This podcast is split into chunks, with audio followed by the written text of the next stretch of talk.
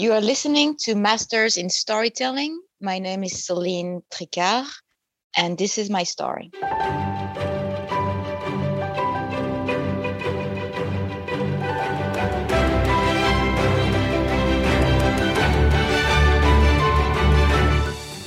Hartelijk welkom bij Meestvertellers, de podcast die in de teken staat van verhalen en storytelling. Iedere week heb ik de eer om een bijzondere gast het hem van het lijf te vragen en zijn of haar visie te horen over de kracht van een goed verhaal. En deze week uh, zit bij mij vanuit Parijs op de Zoom Celine Tricard. A warm welcome to you. Thank so, you. Thank you for having me. So good you are here. Um, and first of all, I will uh, introduce you to our uh, uh listeners who don't know you. So, um, Celine is a storyteller and world renowned virtual reality expert. Uh, in 2016, she founded Lucid Dreams Productions, a production company specializing in new technologies and the future of storytelling, which was involved in numerous award winning VR experiences. Celine has developed a unique and recognizable style involving high emotional stories and strong visual artistry. Her work was showcased in numerous Academy Award qualifying festivals.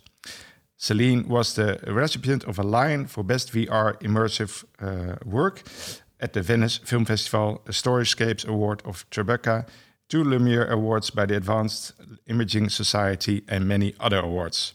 Celine co directed and produced Maria Bello's Sun Ladies VR documentary about the women Yazidi fighting ISIS in Iraq, which was premiered at Sundance.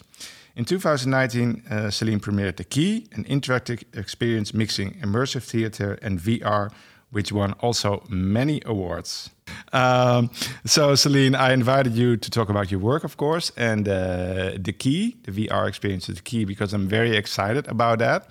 Um, and a, a, a, first introduction about it because, uh, well, in the pandemic time last year, I uh, saw it for the first time. My, my partner bought a VR headset.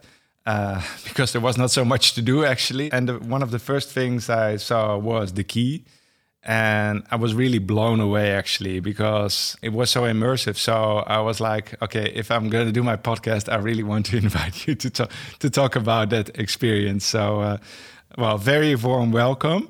Um, there is one question I always ask to all my guests, and that is, uh, which story inspired you in life? Mm, yeah. Well, since uh, childhood, I was addicted to well storytelling. So it started with reading books you know under my sheet with a flashlight at night and it was really really hard to stop me from reading and i was reading mostly adventure books. Um, and then that kind of transition into being addicted to television. I was always watching those old vhs um, recordings from my parents and those mm-hmm. were Star Wars and Indiana Jones and so all those like big classic stories like American uh, movies.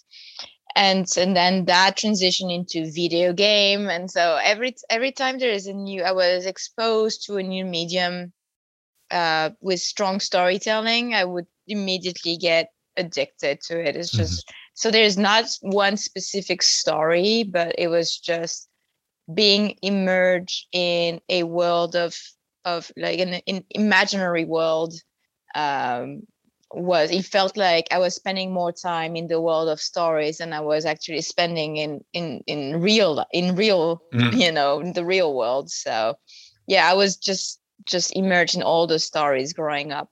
Yeah.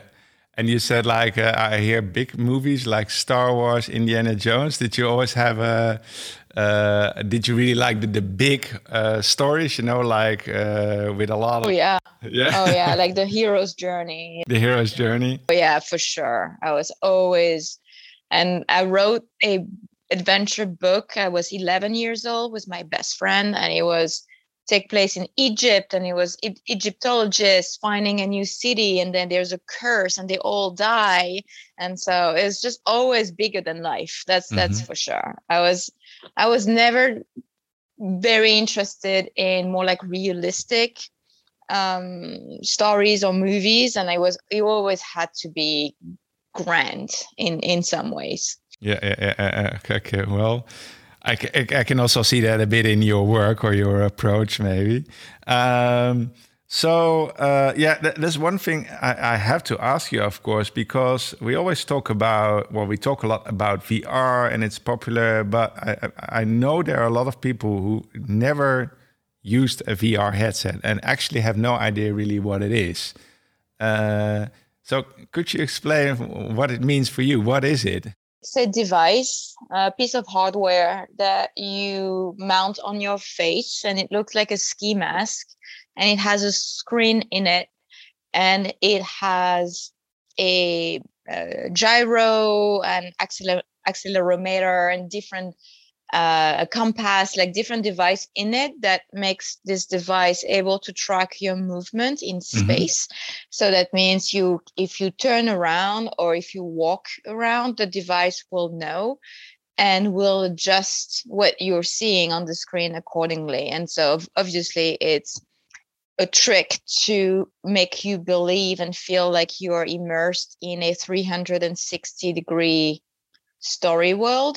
I say story world, but of course it could be documentary, it could be games, it could be anything. But in a um, new reality that you can walk into, or at least sit down and you know spin around and look around you. Yeah. So really, it's just a, the next generation of um, vis- audio visual device. Um, it, it's a lot of people say it's the future of whatever, and I don't believe that at all. I don't think it's the future of anything. I think it's just this it's new medium and a new yeah, language mm-hmm. and a new art form. Uh, and it's up to us, you know, the artists, the storytellers, the documentarian, the game designers to figure out the language and what it is, but it's not here to replace cinema or replace TV or anything. It's just yeah. this, this, new thing. And it's it's great for certain things. It's not so great for other things. And it's just again, it's all about figuring out what we're going to be using this medium for. Yeah. Know? Yeah, exactly. And uh, th- there's also, uh, uh, well, we make a sort of difference between that or uh, between let's say 360 video, maybe with which which shot with with several cameras, and sort of VR which is animated. So it's completely uh, made. Do you also make that difference? Uh, yeah, so it's actually a slightly different difference for me. So there's two quote unquote kinds of VR, and one we call cinematic. Cinematic is you are indeed sitting down and looking around. So this is 360 degrees film. So film with 360 degrees camera. It can also be animated though, mm-hmm. uh, but it's just presented in a way that you cannot walk. You cannot walk around. You cannot open a door and and you know and enter. Yeah. You're just presented with a fixed uh, movie, right? Mm-hmm. And it could, again, could be documentary or anything uh, it can it can be interactive but it's not something that again you can travel so we call we also call this 3DOF for 3DOF. It mm-hmm. also means three degrees of freedom. The three degrees of freedom are basically rotation of the head in three different direction, right? so ah, okay. horizontal, vertical, also tilt the head on the side. Yeah. And then there is game engine based VR, which is experiences that you build in a software called a game engine, which is literally something we built to create video games. Mm-hmm. Um, and those engines are their nature is three dimensional. Uh, and so it's now virtual reality, it's six DOF, six degrees of freedom, because you have the three degrees that we know, yeah. but now you can also do translation. So you can walk in 3D in like X, Y, and Z. Mm-hmm. Uh, I mean, you can jump up and down, and you can walk in in X and Z and Y. Yeah. So this kind of VR that is created in a game engine is called Six DOF. Uh, it can also be cinematic in a sense. It can also be a story that unravels without you having any kind of agency, any kind of interactivity. Yeah. Or it could be fully interactive, super gamified experiences. Yeah. It can be realistic or it can be animation. Yeah. So those are kind of like the two type of VR. The one you're sitting down, looking around, you're presented with. It's it's more akin to traditional filmmaking in a sense. You're presented with a story, and the other kind is more akin to gaming, where yeah. you are emerged, like teleported into a story world. Yeah, so those yeah, are the kind of like the two ends of the spectrum and there is many many things in between the two yeah yeah, yeah. Yeah, and also one feature uh, which was also extra, which I really liked also about the key, where we're going to talk about, is because you have also these um, uh, gloves, or uh, no, not gloves, but something you hold. I don't know how you call joysticks, or uh, and and they're also sensitive and and you can really interact with your hands in that world. And uh, and it worked so very well. So that's uh, also you really feel the sort of the depth and everything. And that gives it also a, yeah a really new dimension i think. Yeah the controllers so controllers that's the word. Yeah we actually almost to the point where we will not need controllers anymore because certain headset are capable of seeing your hands and Correct, yeah. understanding hands so you can now touch things and interact things without any kind of physical device in your hands uh, but what i love about controllers so basically you have two yeah game controllers in each of your hands and you can go and touch things in VR. And the great thing about it is also give you feedback. So if you touch something, it will vibrate a little so you have this sense of haptics a little yeah. bit of wait a minute this is a virtual world but i kind of can touch things and interact with things so it's really about uh, not blurring the lines between reality and vr because this is something that a lot of uh, scared people say is like oh my god who will not know the difference between the real world and yeah and that's sort of being as sort of being stuck in a matrix. Same people were saying the same thing when tv was invented you know when radio was invented when photography was invented. It was very scary. And we were mm-hmm. like oh my god now we are capturing the soul of someone or yeah. you know. And oh my god paintings will die. And it's like turns out they survived and they they thrived yeah, uh, so I, I i'm really not one of those pessimistic super scared person who would be like oh my god this is the end of civilization. Like no trust me when you're in a vr headset you always know you're in a vr headset. You have this big fat object on your face it's sweaty in there you know. And but but the beauty of it is that you can actually your brain on a subconscious level uh, is believes it, right? And so mm-hmm. that means VR, for example, is used um, with big, big result and successes to uh, teach people certain skills. So it works really well for educational purposes. It yeah. also has impressive results in uh, treating certain um, certain things such as uh, PTSD, uh, fears, you know, uh, post post traumatic uh, syndrome, uh, phobias as well, uh, phantom pain in amputees. Um, so there is a lot of very impressive things you can do in virtual reality because again, your brain on the subconscious subconscious level uh, believes it. Mm-hmm. You have the fear, which is you know part of a certain part of your brain, and and that brain, that part of the brain believes you're high up but your conscious side of the brain is like no i'm in vr i'm in my living room everything is fine and that's how you can train people um, to to well learn that they're like transform their phobias into fears and then hopefully fears into nothing mm-hmm. just because of that specific thing so it's very promising actually yeah.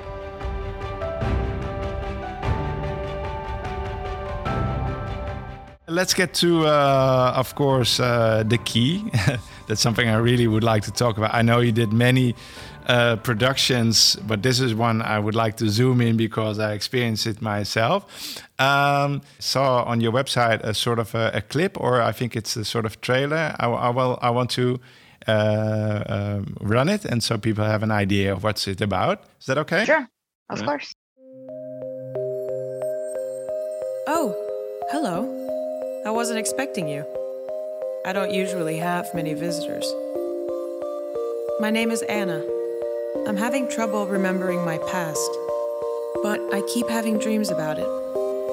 And in every one of them, there's this mysterious key. I want to remember where the key comes from and what it means. Can you help me?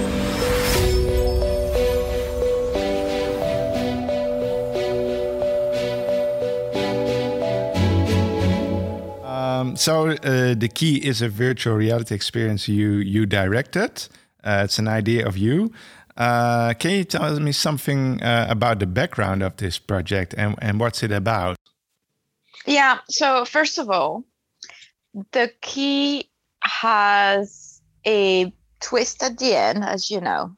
And I think it's better that unless you really want me to, that we don't say what it is. So we no, no, we don't have to. No, check it- yeah, we no. can invite people to, of course, to use that headset and. Uh, well first of all this is this is a piece that was uh, made as part of a program that is called oculus vr for good mhm. uh, so oculus is uh, one of the leading um, manufacturer of headsets and and creator producer of experiences in vr uh, it's a company that was acquired by facebook a few years ago um, and so it has a program that um, select filmmakers I say filmmakers, creators, Mhm. storytellers, um, to create VR experiences that are specifically what we call for good. So it could be social good. It could be about uh, the environment, about uh, racial justice or mental health. And so there is different themes. And so I was lucky to be selected in 2018 Mhm. uh, to make a piece for them. And that piece became the key. Uh, the key premiered at the Tribeca Film Festival in New York in April 2019. And then we are now available on the Oculus Store for free. Yeah. Um, so anyone who has access to an Oculus headset, so that could be Oculus Quest, Quest 2, or Rift, can go and find it for free. So if anybody had any of the yeah. Or knows a friend, maybe. Yeah. one or knows a friend who has one, please go check it out. It's about 16 minutes long, so it's it's pretty short. Um, it is an animated piece that we build in the game engine, and it's story driven, but it's interactive. So you do have some interaction that you have to do throughout the story, and the the the the beginning of the story, as you heard in the trailer, is that a young woman a young woman named Anna needs your help. Is that she's having this weird dream. She doesn't remember her past, and so she asks for your help to go and dive in some of her dreams to figure out what happened to her and why she's having those dreams and why she always has this key uh, in her dream. Um, so that's your mission. And uh, so over the course of 16 minutes, you will dive into a few of her dreams until um, you figure out what happened and what is the key and where it comes from. Yeah, and you sort of could say wake up, or I don't know if you would say it like that, but then suddenly you're well, we can't say that, but that's sort of the clue. Uh, you wake up in a, in in some kind of world, uh, and that that also blew my mind at that moment. Uh, and it's also because from that moment you're gonna look at the story in a, I think, in a complete different perspective. Basically, look back for what did I see, what did I do, and the, yeah, I strongly believe in, I think VR is mature enough as a storytelling device to use more advanced technique as just presenting a story Mhm. in a direct way with like a three act structure for example. I believe it's an it's a medium that demands more and can do more. And so for the key again without revealing what it's about uh, i used uh, the technique of metaphors. And i think metaphors especially when they are um, visual and and and sound and a lot of different things coming together is a very powerful device for storytelling and this is something that we humans can understand on a very deep emotional level and it transcends languages and borders and culture uh, we've shown the key to a lot of people, and actually on the Oculus store, it's been very successful. We have over 300,000 people who wow. are have seen it, which doesn't feel like a big number, but for VR, trust me, it's a big mm. number. Uh, and from a lot of different countries around the world. And so when you use this kind of more quote unquote advanced technique of storytelling, such as the use of poetry or, or metaphors, you can also touch people across cultures and borders and languages because everybody's kind of the human brain is wired to to feel to to understand metaphor. Yeah exactly. And that also makes it uh, yeah so powerful and interesting to to watch of course because as uh, if you if you are there in this world you it's not just your experience but you also think about what's going on basically you know what's happening. Uh, so it's not just your senses or that it's interactive but you also think about the story how it involves basically in front of you uh, and sometimes it, it literally does because uh, there is it's animated uh, but sometimes you are in sort of a, still a blank canvas. Uh, it feels like blank canvas and suddenly it appears you know the, the, the world is is being created around you uh, which i found very fascinating. Uh, and we used a little um, a little trick in the game engine where for people who haven't seen it is we are building the world in your field of vision. So you start on a blank canvas, and then in within your field of vision, you'll see some things appearing, and then it's you by looking around and turning your head around that will build like fully build. It's we're trying to find something that is akin to lucid dreaming, you know, to like mm. falling asleep, but not really and entering the world of dreams without with still understanding that you're yourself right? And that's i think that's something also important in virtual reality is i don't believe that you can literally put people in other people's shoes. Like you can it's i think it's really hard to do it well to say all right you are not yourself right now. You are this character. Mm-hmm. and it could be a different gender. It could be you know different ethnicity or social background. Some people are using this for a social good piece.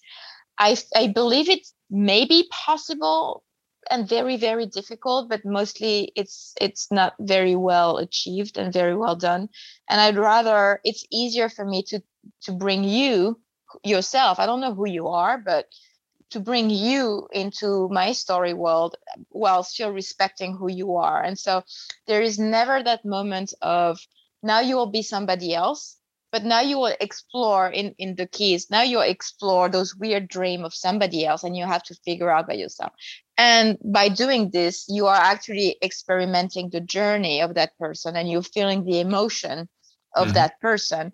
Uncanny we call it the uncanny valley which is when you have for example a character that is created in cg and it's created to look like human like the, the most modern vfxs of video games as human, there's always a little something that will tell you it's not real. And mm-hmm. that's what we call the uncanny. And the closer, the more we try to be realistic, the more that awkward feeling creeps in versus having a completely animated character, cartoon or something that really is not trying to be realistic. And we won't have we will not have that weird awkward yeah. feeling deep down. So that's the uncanny valley. And so I believe the uncanny valley also applies to when you try to when you're in VR and we make you believe that you're somebody else and you're like looking at your hands and they're like a different hand. Like very often in VR, unfortunately, the mm, for hand tracking or controllers, we give you the hands of a man because that's what people do. Hopefully, this is changing. And so you're looking at your hands. I'm a woman, and I'm like, this is not my hand. No, that does make sense. No. No matter how hard you're trying to make me believe it's my hands, I, I don't believe it. And because of that feeling, you know. Yeah, yeah, yeah. Yeah, and and and in your in the key, so you're uh, uh, also a complete different character, and it's also funny because you can also see yourself in a mirror, which I find very funny. You look at okay, this is how I look now in this world, basically. It's uh, completely ca- cartoon, like unrealistic, yeah. and kind of under like there is no gender or no nothing, and so you're like, okay, this is. It's easier to adopt this form than it is to adopt a realistic if it were for me like a realistic older man it would be it will make me feel really weird versus oh okay i'm this like cartoon character now i get it fine mm-hmm. so and um and, and and well you can't give away a, a, lot about the story but of course there is a, a development hey? you you go through those dreams you experience a things you find out things as well because you you're looking for that key you meet some uh, friends etc you meet monsters as well. You really get the feeling that you're kind of more sucked into it the story as well um, because in the beginning you have to kind of get uh, adjusted may um, get used to this world you know maybe if you never saw vr it's all a bit strange. But maybe that also has to do with the pace of how you how the story unfolds but you really kind of slowly get sucked into that story and that's why for me it was so immersive. It, it went very on, yeah on my own pace. I felt like i'm i'm my own boss over here you know what i can do and how fast i can i want to do it. Did you think about that? Like yeah we that was part of the design of the piece and it's also i wanted this experience to be uh, available for everyone, including people who's never done VR or who really don't define themselves as gamers, right? No. So sometimes in VR we have those controllers with buttons and you have to like pull the trigger, push that button, and do do those complicated interaction. Um, and for me, like what the biggest headache designing that piece was how do I create an interactive piece with interactions without those interaction getting in the way of the emotions of mm. you know the because it's one thing to be again presented with a story and presented with a journey with emotions that come with it and it's another thing to uh, again do things uh, which can very quickly this is this is something i'm seeing a lot in vr actually is people trying to do emotional stories and giving you so much to do, so much to interact, and so many complicated things to do that your mind there's only so much things that you can do. There's only yeah. your mind. There's only so much things you can focus on. And VR is already by definition an overload of s- stimuli. You yeah. have, oh my God, there's a 360 degree where, oh my God, I can walk in, the, I can touch thing, I can and there's this VO telling me stuff. And so I need Yeah, to, and there's music. Yeah, there's a lot going on. Music yeah. there's a lot going on. And so obviously people will get only maybe 10% of the stuff that you put in there. Uh, for example, in the key, as you go from dream to dreams, this is not a big spoiler, but you will lose a primary color every time you go from you know a dream to another one and so depending on the choices that you made and uh, the companions that you have with you, your little mm-hmm. friends, mm-hmm. Uh, they, you will sacrifice certain colors and you will keep other colors until you end up in a completely black and white world. I would say 80% of the people don't notice that. And it's okay. You know, it's mm. fine. I don't care. It's because I know that it impacts them. I know that on an emotional standpoint, you start in a very vibrant, colorful world and you end up into a very degraded black and white world. And even though you haven't noticed it you feel it. And yeah yeah yeah. and so interactivity is the same thing. It's like how can we design an interactive piece that doesn't become the interactivity doesn't come like the main focus of the people. And instead of listening to the story or paying attention to um, poetic things happening around them they will be focusing on doing some tasks and so the number one rule for me was all right, let's not use any of the buttons and triggers and things. Um, the only thing that you need is if you're in a small space, you will need to kind of teleport yourself. And for that, you just pull the trigger, point, and teleport. Uh, yeah. But if you're in a big enough space, you don't have to do that. If you want to interact with objects and things, you just have to touch them. There is no buttons, there is no nothing. Mm-hmm. mm-hmm, mm-hmm. Um, and we also kept the interactions to minimum and keep them in a way that they feel organic. So if you're prompted to do something, most people would just have that natural move. And that's the move that we coded into that you we're not trying to do complicated thing. No. And again, it's for because I wanted the piece to be accessible Yeah. to as many people as possible. Yeah. In many cases, less is more, of course. And it, Exactly. also for for a regular film, and especially if there, I notice if there's a new technique. Uh, let's. I also saw that with drones, for instance. Like, and then every everything has to be a drone shot, or it has to be very fast. You know that people get too excited about the technique and and not uh, focusing on the story anymore. They sort of it takes over. It's very easy to fall into that trap. It's like if there is one advice I would give to VR storytellers is to really like pick your fights, you know, and and try to see everything from a user's perspective. So as a storyteller, you need to put yourself into the position of a of a of a participant or player or uh, audience. Mm-hmm. Uh, I call them participants because even if it's not interactive, you're kind of participating. You're in the world. Um, you need to really imagine, like, see things with their with their eyes, like through their eyes. It's like, okay, if I'm putting this big musical moment and I'm giving VO and there's this very important thing they have to do at the same time, this is not going to work. So you need to pace things and organize things in a way that is it it it feels more natural. Mm-hmm. Um, I think video games are a huge source Mm-hmm. of inspiration for me because they've gotten. I believe we are in the golden age of video games right now, and Mm-hmm, definitely. incredible art form, incredible storytelling device, and uh, it, certain video games really understood that. Understood that you have to be light on certain things if you want to be heavy on other things. Could be all right. This is a very heavily interactive moment.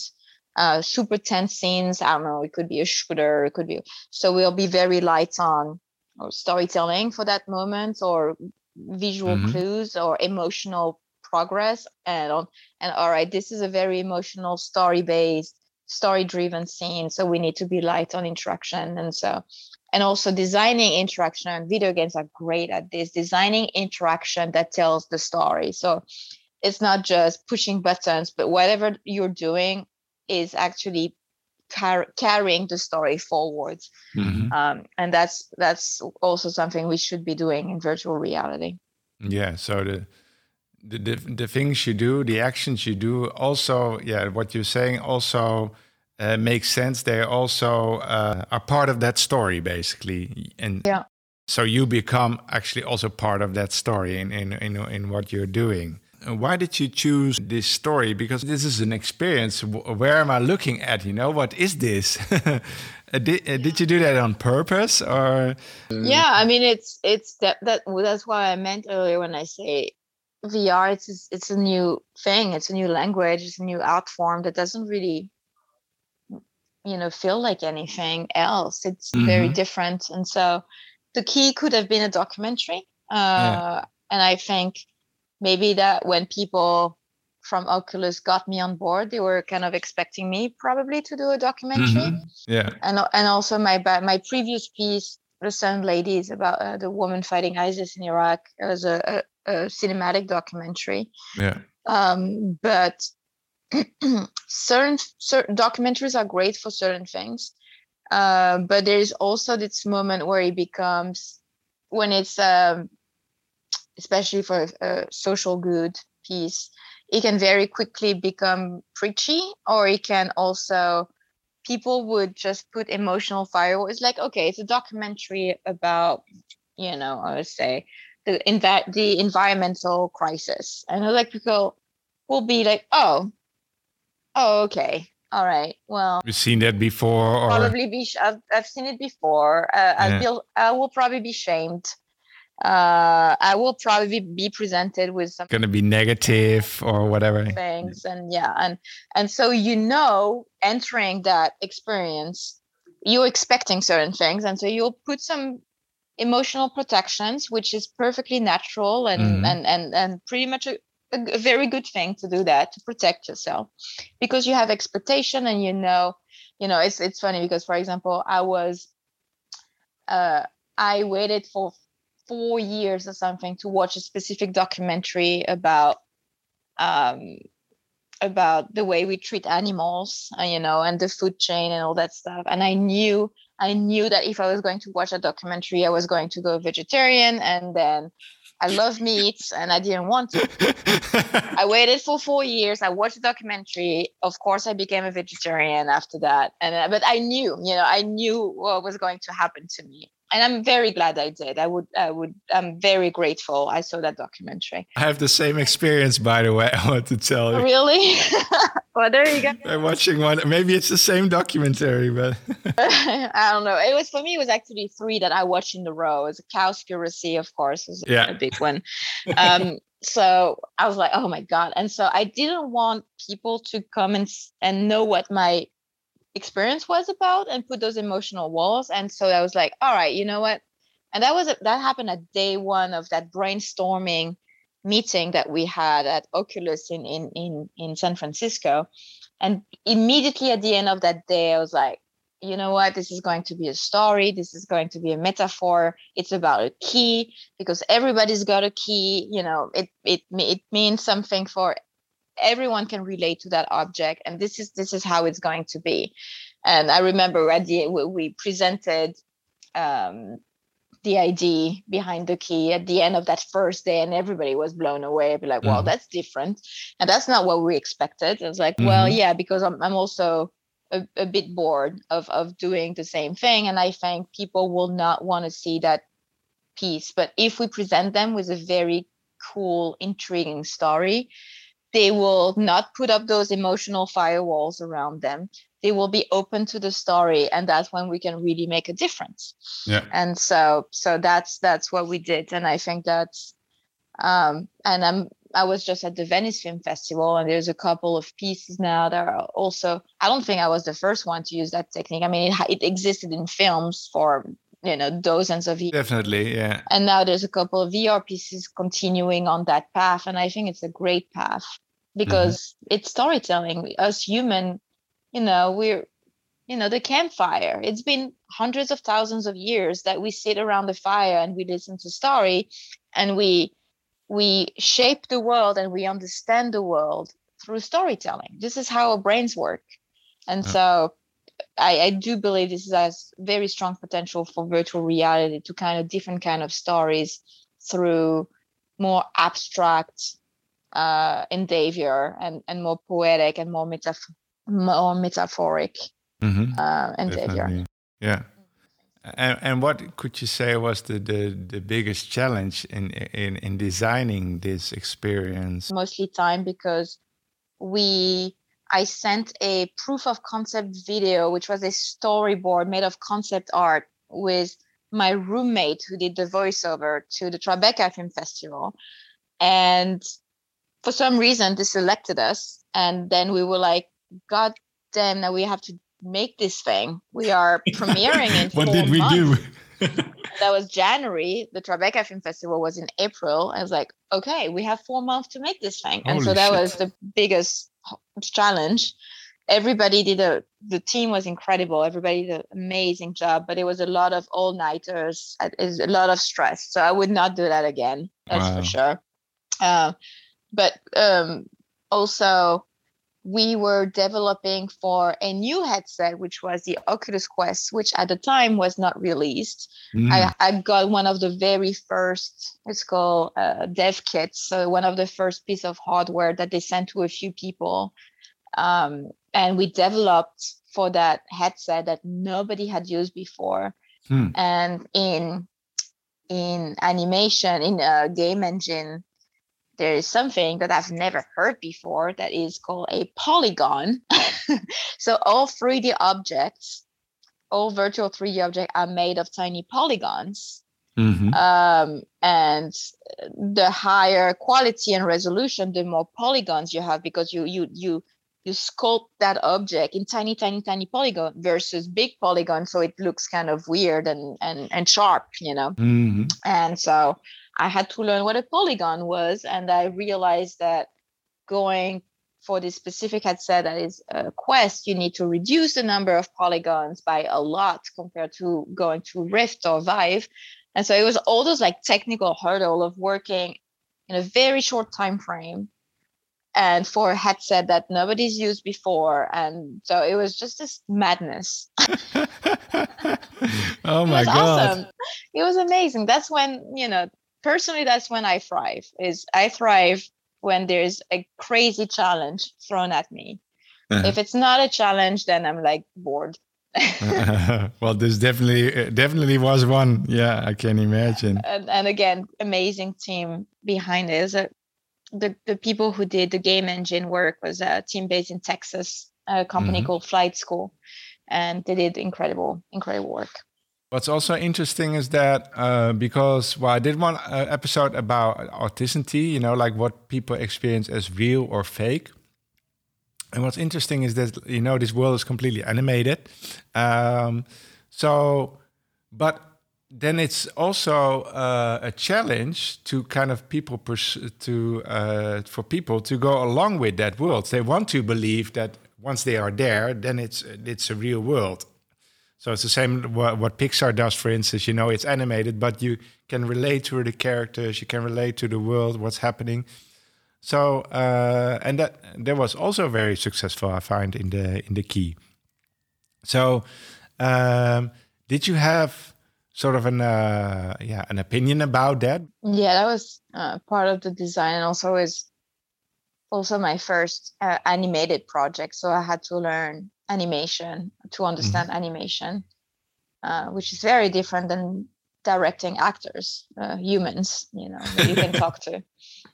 Um, but yeah, it was just, I would sometimes obsess with tiny little details that I thought were important for the suspensions, the suspension of disbelief.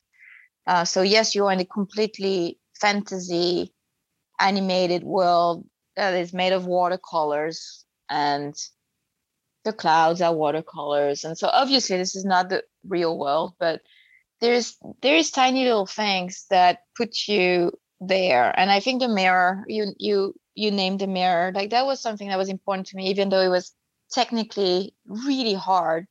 And a lot of people in my team tried to convince me to get rid of that mirror because it was just complicated. Um, and it didn't look good for a very long time until it did. But for me, it was like, no, but you need to understand you're seeing those weird little black and white character. And it's important for me that you understand you're one of them. Otherwise, you won't have that emotional uh, connection to that world. So you're seeing photos on the wall of those black and white cartoon characters. You're seeing cartoon characters around you. So you need a mirror to see yourself and it's like oh it, it's a mirror. Oh my god it moves. I move it moves. And and oh my god i'm one of them and one of those people. So it's those little tiny detail in the design that it's it might feel like oh my god it's the director you know having an ego moment and she wants that for no reasons. Like but no it's it's because you're kind of one of the few people that sees the big picture that is not focused on one of the things that are like highly like i would not be able to do the key on myself for sure.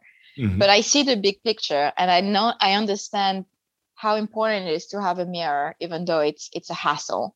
Yeah, uh, yeah, yeah, yeah, and then on the other hand it was oh my god so many compromises so many things lost uh, in the way like so many decision of we cannot make that okay. I was like think about it you know what? I can still make it work without it. Fine let's get rid of it. And it's the the story was very was much longer very complex a lot of other things happening and we like narrow it down and keep making compromise and keep losing pieces of it. But at the same time i'm very conscious that it made the story better you know like all the stuff that we didn't we were not able to do because of time and money. Well it it's it's i didn't fight for them so that means they were not the core of the story and things like the mirror that could be a tiny little detail was the core for me yeah. and so i fought for it yeah. so yeah it's it's all about and i think the, the movies that you named before and like pixar and all like they they know exactly like this is exactly what they're doing too which and i know pixar for example they have very long development time not four months. Uh, they have years to refine stories and i'm sure their story is it's a, like a, a, continuation of like compromise and making choices. And that, and, and the purpose of all this is to find the essence is to find the core. Um, the the key won many prizes. Uh, how did people respond to it? Uh, and, and yeah i'm very curious well I, it was a very it's, it was great i mean seeing people we premiered at Tribeca and then we had our international premiere at the Venice Film Festival. Then we went to a lot of other festivals after that. And it's just people, when I was present, when I was there and just seeing people kind of walking in the experience, not knowing what to expect, being excited about it, and then walking out with a completely different expression on their face. And that uh, yeah, that moment of realization, it was very rewarding. And that was exactly what we were going for. Um, mm-hmm. So I had incredible discussion with people like who wanted to express their feelings or, um, but just having an emotional moment, you know. And then it was, in, it's interesting to read the reviews on the Oculus store now that it's out and it's free and it's available to anyone. Um, it's interesting to read the review and because it's a social good piece i mean we have excellent reviews uh, the average but the funny thing is we have a lot so it's five stars on the oculus store. We have a lot of four stars five stars and they are balanced with like one stars of people who for personal and political reason uh, don't agree. Oh, okay yeah, yeah, yeah, yeah, of the piece and so they would give horrible reviews and say it's leftist propaganda or whatever. Mm-hmm. And so it's interesting to see how it is, but those one stars are not that many. And so it's it's overall really good, really good feedback. Is it based on a real story actually? Yeah. Everything in the piece that is revealed to you at the end uh, and and the even the dreams that you mm-hmm. go through and when you understand the true meaning of the dreams uh, all of this is from actual very much real stories that i've heard firsthand or that people told me. People who are expert in that field told me. So everything is is is real. Mm-hmm. and the location that you see at the end is a, is an actual location that i went and shot myself. Oh, really? um so yeah so everything is it's a documentary really at heart. It's a what we call a hybrid documentary because it's it's, it's story driven mm-hmm. but yeah everything is real wow okay i already thought so but yeah just to check um, now, now people listening will be like what is this about like we have to go and see uh, it so, one this episode is one big cliffhanger but i know it's awesome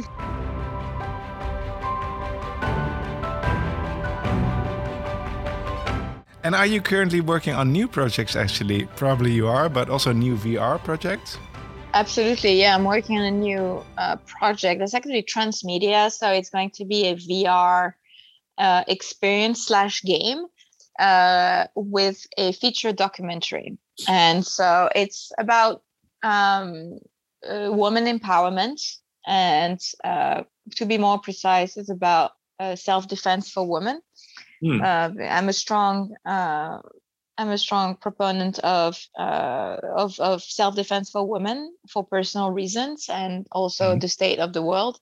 And so we are making this documentary uh, film, uh, feature film about uh, badasses all around the world, Kenya and India and Norway and France and the UK and uh, sorry the USA a group of women learning self-defense and seeing the transformation it has on their lives. Mm. um, and also a virtual reality game that has a similar approach as the key with a, like a metaphorical approach to the subject and where you interact with hand tracking by actually learning gesture of self-defense as oh. you play the game. Yeah. So that's uh, it's called fight back. It's it's it's a, it's a very important to me that again very personal and very important to me um, we actually we're in the Venice Film Festival a few days ago pitching at the gap financing market because we're looking for the last uh, 20% of our budget. Yeah. Uh, so if any of the listener is interested, please reach out to me. well, well, I'll give you them uh, your contact details at the end. So yeah, yeah, cool. Looking forward to that uh, fight back. Um, and to, to to wrap it up a little bit, what what kind of future do you see for virtual reality? I'm actually very optimistic at the moment. You would have asked me that question two or three years ago. I would have been very pessimistic because we had kind of you know, it was a bubble in 2014 and 15, and like people were saying it's going to be a billion dollar market. And and it's been around. It's been around as well. You know, like it, we had yeah. headsets a long time ago already. So yeah. yeah, no, it's it's it's it's yeah, it's kind of becoming part of our lives a little bit. And so after that bubble bursted, and we had a few really bad years in, in VR, and and and and now it's kind of it's slowly establishing itself in a, in this like stable grounded um, um, business uh, if i can say that. There's a lot of headset out there. Uh, i think the oculus quest and quest 2 made a big difference because it's very affordable very easy to get. Um, other headset manufacturer are catching up and i'm I, i am sure we're going to have some great hardware coming up uh, we also are starting to see great content, mm-hmm. so good quality cinematic content, excellent games, uh, emotional experiences. And so now there is finally that wealth of good content that you can pick from. There's mm. a lot of games that have passed, you know, $1 million in revenue. So that means for us creator, it is finally becoming a sustainable uh, business because up to that point it's really hard to make a living mm. doing virtual reality. And a lot of the companies involved in the early days of vr went bankrupt or pivoted to doing other things. Uh, so now in 2021 finally i see hope that this could become a sustainable business for content creators. Um, it, we still need help you know a lot of the things that i do are you know co-production with friends for example where we get help from the cnc or co-production with foundations or oculus themselves. You, you need investors.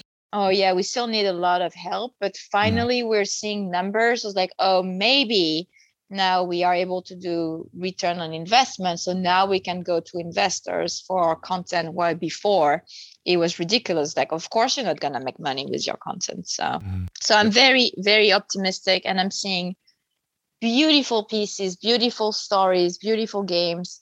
Um, and and and i have a lot of friends who are not involved in technology or film or storytelling who have headset at home and play more than me i was like wow that's that's a good sign it's a beautiful use of vr for for physical therapy for treating phobias and ptsd for meditation, for pain management to people in hospitals.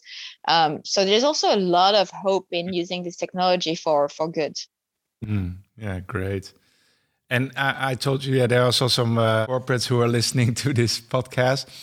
And uh, I can imagine maybe they're interested as well. They're like, okay, we want our own VR experience. So, what could you recommend that? Because it's quite an uh, expensive medium as well, or to develop an uh, an experience? It's not that more expensive than doing a commercial for TV or making okay. a video game or it's it's it's actually not it feels expensive because it's seen as high tech but really what we're using is the same tech as using video games every day or or mm-hmm. shooting commercials or so no it's it's uh but I, I guess they would need a good reason like the first question i ask people who want to do something in VR is why? Why VR? You know, and you need to have a really good answer for that. You need to understand virtual reality because VR is great at certain things and it's terrible at other things. Mm. And so maybe, you know, some people come and say, oh, I want to do this story or this commercial in VR. And it's like, well, that would make a great flatty, you know, TV thing. Oh, that would make a great ad or photo or installation and it would make a terrible virtual reality piece so really know why and and if you know how to answer that question then definitely go and investigate. There's lots of great creators and companies everywhere in the world uh, that can help you. Mm, okay good to hear. Uh, you also wrote a book i saw um, about vr so is there uh, if you can give a last uh, tip to directors maybe who want to start with vr what, what advice could you give them? Go read my book. The reason why I wrote that book is so I would I wouldn't have to answer that question. Uh, just one tip, not the whole book, but I, I guess I guess the YVR that I just talked about is like really try to watch a lot of things, watch a lot of lot of things, and the bad and the good, because you act, I I believe you learn more from from failed experiments in VR than you learn from successful ones so just just watch a lot and try to understand that medium and ask yourself why do i want to do that specific story in vr um, i think any kind of stories can be vr but but it's the way it's about the execution is the way you tell them. Um, so do your homework and and and just expose yourself to a lot of good and bad examples until you you feel you can craft something in vr that is unique to vr and not just a bad adaptation in VR of something. Mm-hmm. Yeah, definitely. Okay, nice. So, Celine, if people want to get in contact with you, see some of your work, maybe now a lot of investors are, want to call you. Yeah, I hope so. no, well, I would definitely encourage people to, if they have access to a VR headset, to see the key. Again, it's it's um, not for money because it's available for free. Um, and yeah, it's very easy to find me on LinkedIn or social media or uh, mostly through my website, Lucid Dreams Productions, uh, my company, or Celine tricart.com something like that. But you you google me and you'll find me. I'm very easy yeah, if you do that you definitely uh, uh, find a lot. All right perfect yeah, thanks a lot for your time, of course, and also good luck. Uh, I will definitely follow you and your work, and very curious uh, about what's what's coming up next. So thanks a lot. Thank you, appreciate it. Yeah. Okay. Bye. François. Have a good day. Bye bye. You too. Wil je net als zoveel uh, deze podcast een warm hart toedragen? Nou, dat kan. Ga dan naar petje.af uh, schuine streep meestervertellers. En daar vind je meer informatie over hoe je de podcast zou kunnen steunen. Oké, dat was hem dan weer deze week. Wil je meer weten over meestertellers? Check dan meestertellers.nl. En je kan ons natuurlijk ook volgen via Facebook of Instagram of teken aflevering via het Meestervertellers. Hopelijk weer tot volgende week.